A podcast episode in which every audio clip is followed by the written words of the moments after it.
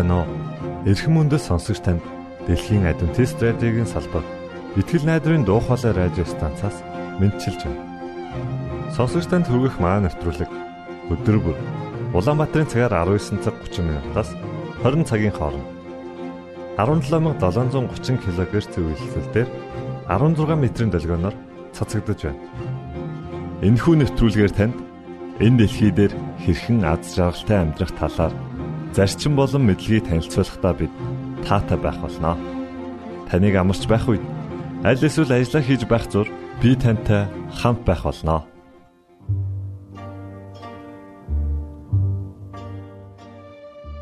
Өнөөдрийн хөтөлбөр боловсрал нэвтрүүлгийн түүхэн хүмүүс зурлаар эхлэх болно.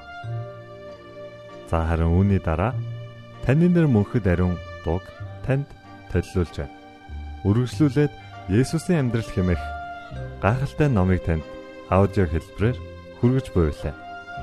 Ингээд та нэвтрүүлгүүдэд хүлээн авна уу?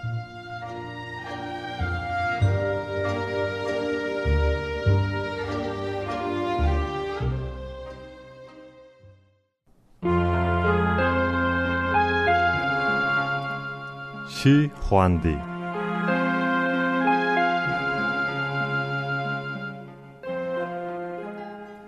бүх хиттийг нэгтгсэн дарангуйлагч хаан.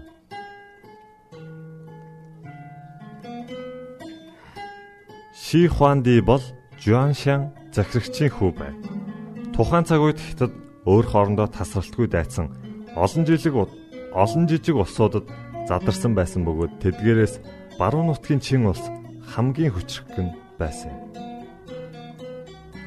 Ши Хуандыг гэр бүлийнх нь Жэнгс нэрлдэг ажээ. Тэрээр Манерны өмнөх 246 онд 13 наснда хаан ширээн суусан боловч 238 оноос улсынхаа засгийн эрхийг дангаараа удирдах болсон юм.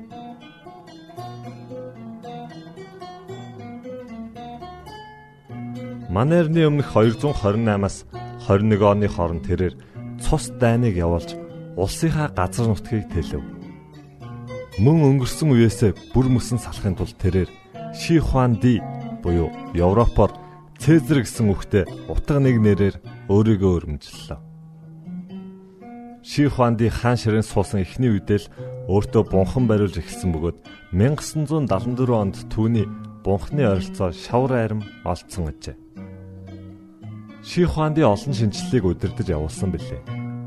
Тэрээр Хиттийн эзэнт гүрнийг цэрэг захиргааны 36 бүс нутагт хувааж орон нутгийн удам дамжсан захирагчдын эрх бүхий хуучин ёсыг халсан юм. Үүний улмаас нэг мужийн захирагч хэдэн жилийн дараа өөр мужийн захирагч болон шилждэг байсан нь захирагчдыг тухайн газартаа хүчрхэгжин бэхжихээс сэргийлдэг байв. Тэрээр өршөөгдсөн язгууртнуудын гэр бүлийнхнийг өөрийн хараандаа байлгахын тулд бүгдийг нь нийслэл Шаньян руу нүх зэрлэг буулгасан аж.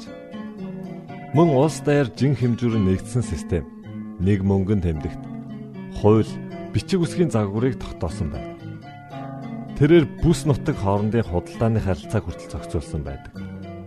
Гадны элдв халдлагаас нутаг дэвсгэрээ хамгаалж хиттийн хойд хилээр аврах том хэрэн барилсан нь одоогийн цагаан хэрэн билээ.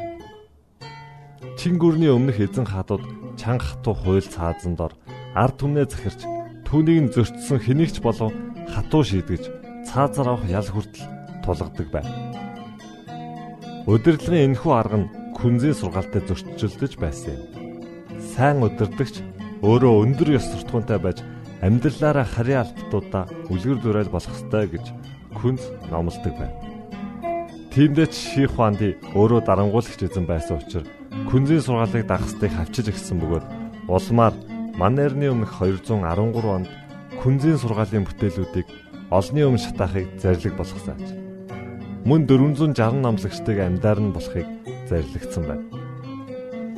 Улс орноо захирч байсан энэхүү арга барил нь түүнийг олон дайсантай болгож олон удаа түүний амьд халтахыг оролдож байсан ч амжилтад хүрээгүй. Ши Хуанди манай эртний өмнөх 210 онд таалалд өгсөж байна. Ши Хуандигийн ололт амжилт. Ши Хуанди бол бүх хиттийг нэгтгэж чадсан хаан юм. Тэрээр олон тооны шинжлэлийг хэрэгжүүлж жин хэмжүүр, хууль эрх зүйн, бичиг, мөнгөн тэмдэгтийг нэгдсэн системийг бий болгосон аж. Үүний ачаар хиттийн соёл одоо хүртэл нэгэн цул болон хадгалагдаж үлдсэн байна. Чин гүрний төгсгөл ирж Ших хаанды талал төгсөн хэдий ч дараа дараагийн эзэнт гүрнүүдэд түүний засаглалын систем өвлөгдөн үлдсэн бол харин хууль цааз нь баг зэрэг зөвлөрч күнзийн философиг дагах болжээ. Мөн тэрээр шавар армийн бунханг бариулсан байна. Энэ нь том багаараа амьд хүний хэмжээтэй шатаасан шавар бүхий хааны жинхэнэ цэргүүдийг дуурайлан хийсэн 7000 гаруй цэрэг эрс болон мордын хөшөө юм. Уг хөшөөг бүтээгчид хийсэн бүтээлүүд болгондоо өөрсдийн тамгаа үлдээснээр тэдний нэр өнөө үед хадгалагдаж үлдсэн байна. Шавар армийг хааныгаа хамгаалах зорилттой бүтээгдсэн байх гэж таамагладаг бөгөөд бунхныг 1974 онд санамсаргүйгээр нээжээ. Сонсогч танд боловсрал нэвтрүүлгээс бэлтгэн хүргэдэг түүхэн хүмүүс цувралын шин дугаарыг хүргэлээ. Дараагийн дугаараар уулзлаа. Түр баярлалаа.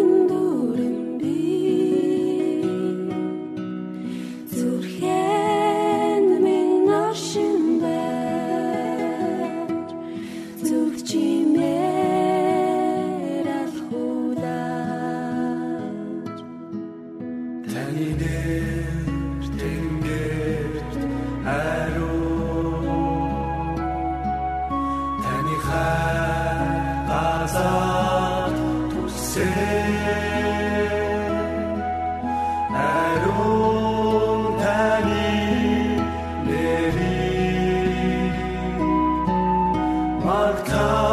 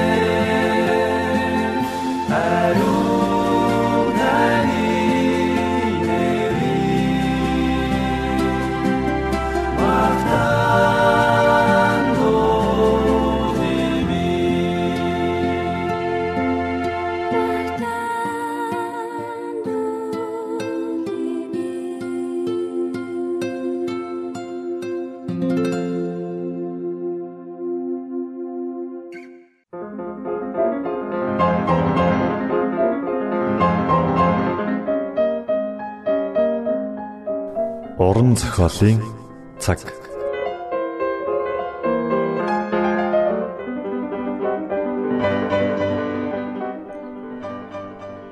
Йосеф Мари хоёр хүү Есүсээ хууль заасан ёсоор тахилчид авчирлаа. Эцэг эхчүүд хүүхдүүдээ өдөр бүр дуган даваачдаг байсан. Сүмийн тахилч Йосеф Мари хоёрыг бусад эцэг эхчүүдээс ялгахгүйгээр харьцаж байв. Учир нь тэр хоёр бусдын адил эгэл жирийн хүмүүс байлаа. Тахилч бяцхан Есүсийг ч бусад нэлэх хүүхдүүдийн адил гэж бодож байсан. Тэрээр Тэнгэрийн ариун сүмийн тэргүүн тахилч бөгөөд энэ дэлхийн аварчийг тэрвэрч байгаагаа анзаараагүй. Хэрв тэр Бурхны үгийг дагаж байсан бол эзэн энэ бүхнийг заан сургаж хэнийг гар дээрээ өргөж байгааг нь мэдрүүлэх байв. Энэ үед Бурхны үнэн ч үйлчлэгчд болох Симеон Ана нар сүмд байлаа. Тэр хоёр бурханд өтөл болтлоо үйлчлээ ирсэн билээ. Бурхан бардам ихэмсэг хуваа хичээх цүмийн тахилчид үзүүлээгүй зүйлсээ тэр хоёр настанд харуулсан. Бурхан Симеонд энэ дэлхийн аврагчийг харах хүртэл чи нүд анихгүй гэж амласан гэжээ. Тэрээр Есүсийг харангуйта энэ бол амлагдсан нэгэн хэмээн таньжээ. Диважингийн зөөлөн гэрэл Есүсийн царайг гэрэлтүүлж байлаа. Симеон хүүг тэрэн бурхан талархал өргөв. Тэрээр Эзэн та өөрийн үгийн дагуу боол намаагаа амар тайван явуултах бай. Учир нь миний нүд таны авралыг харлаа.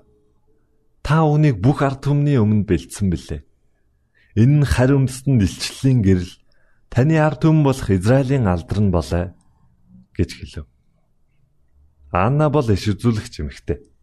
Энэ мөчөд Анна хурч ирээд бурхан талархал өргөн Иерусалимын золилтыг хүлээж байсан бүхэнд түүний тухай үргэлжлүүлэн ирэв.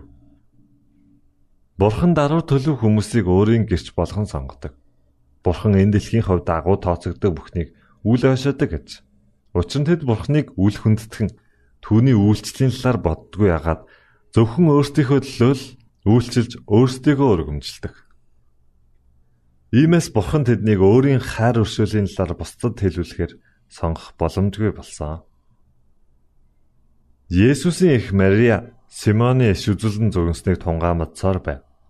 Мария бяцхан хүүгээ хараад Бэтлехемийн хончтын хэлсэн үгсийг санан баяр хөөр итгэл найдвараар дүүрсэн.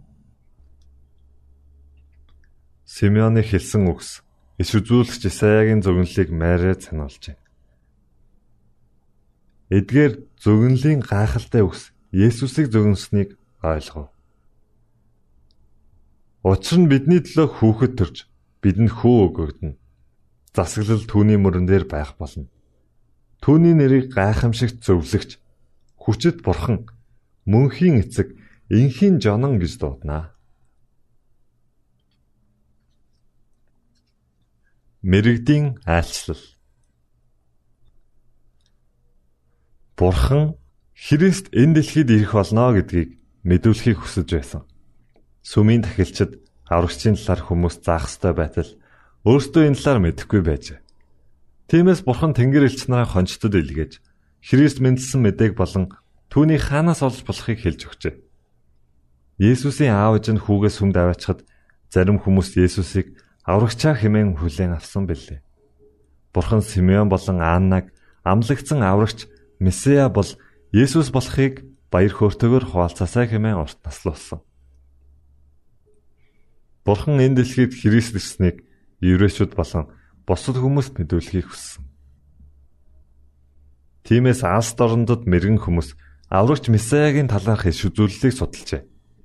Тэд аврагч удахгүй ирнэ гэдэгт итгэв.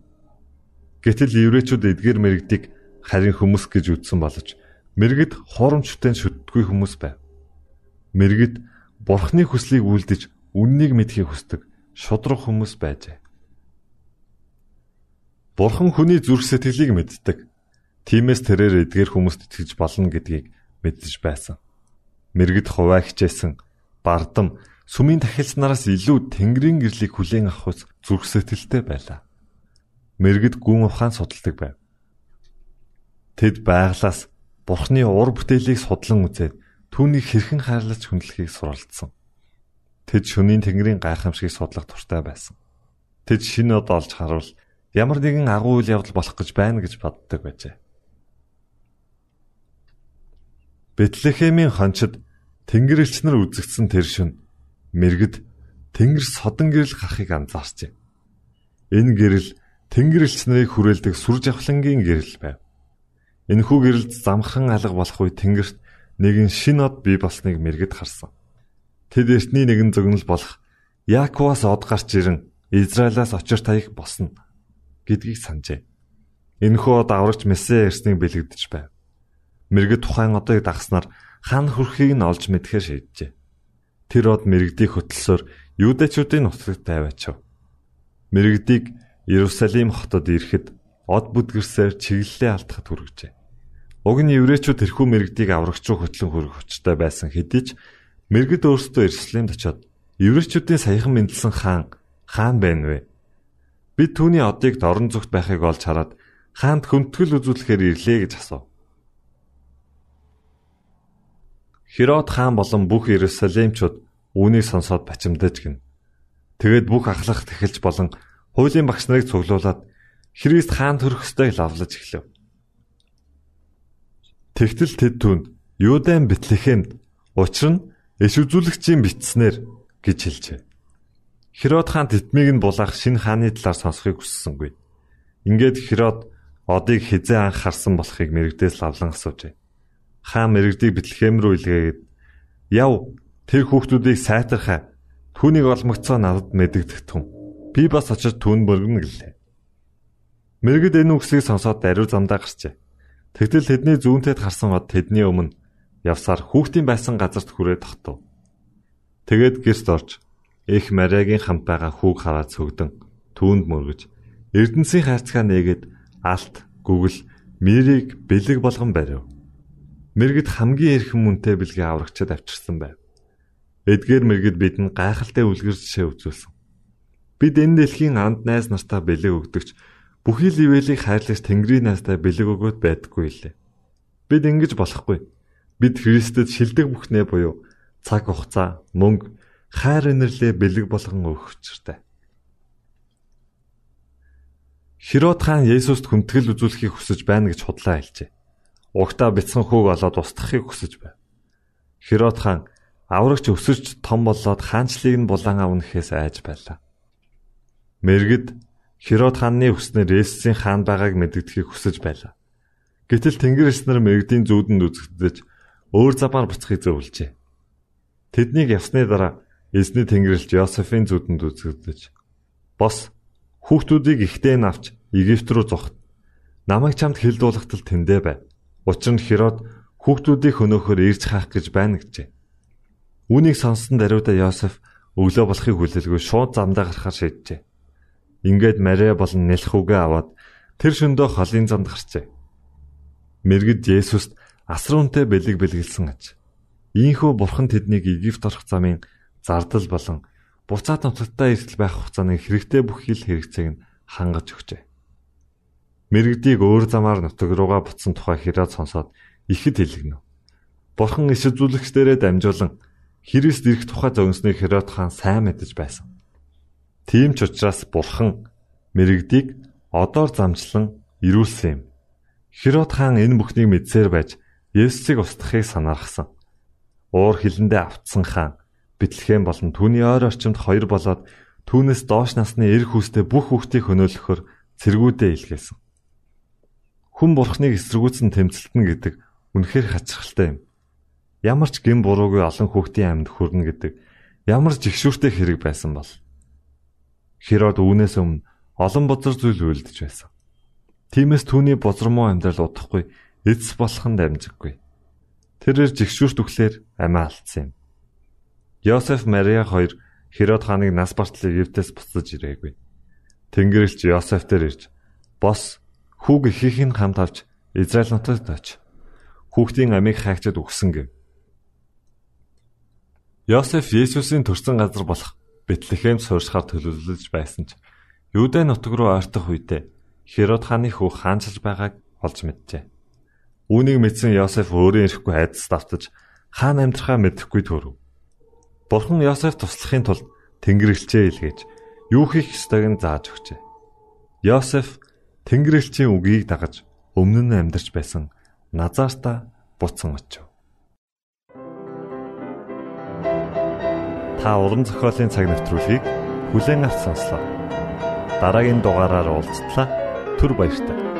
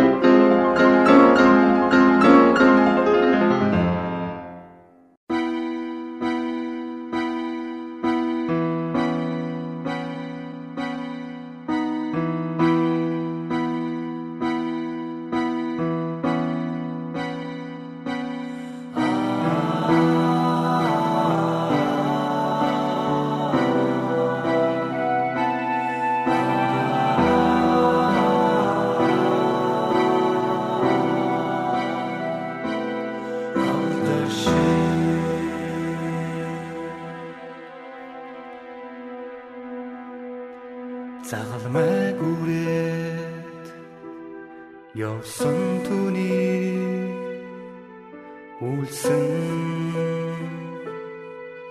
агоо ганцаар зиндон доромжлол амсан түүний нэрэн нэрөө хадасны сөрөвтөө алдар шиг магтагдаа. Тэшүүрийн шарахтай эзэн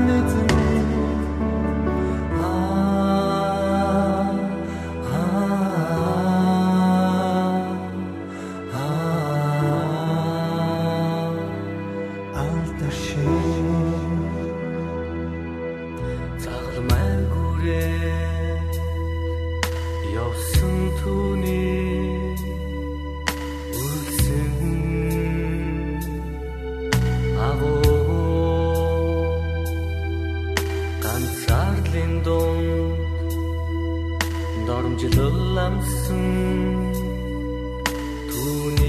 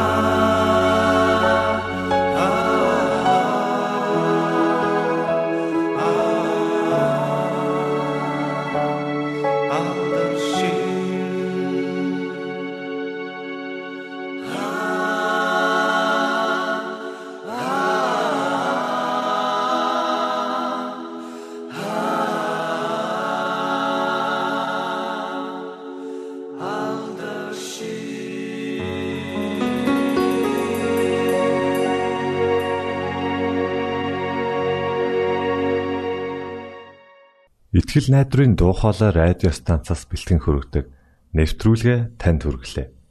Хэрв та энэ өдрийн нэвтрүүлгийг сонсож амжаагүй аль эсвэл дахин сонсохыг хүсвэл бидэнтэй дараах хаягаар холбогдорой. Facebook хаяг: Satiin үсгээр Монгол заавад AWR Имэйл хаяг: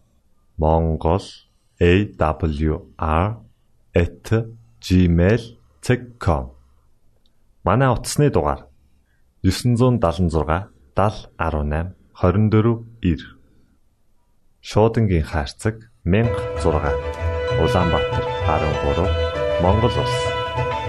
Биднийг сонгон цаг зав аваад зориулсан танд баярлалаа. Бурхан таныг ивээх болтугай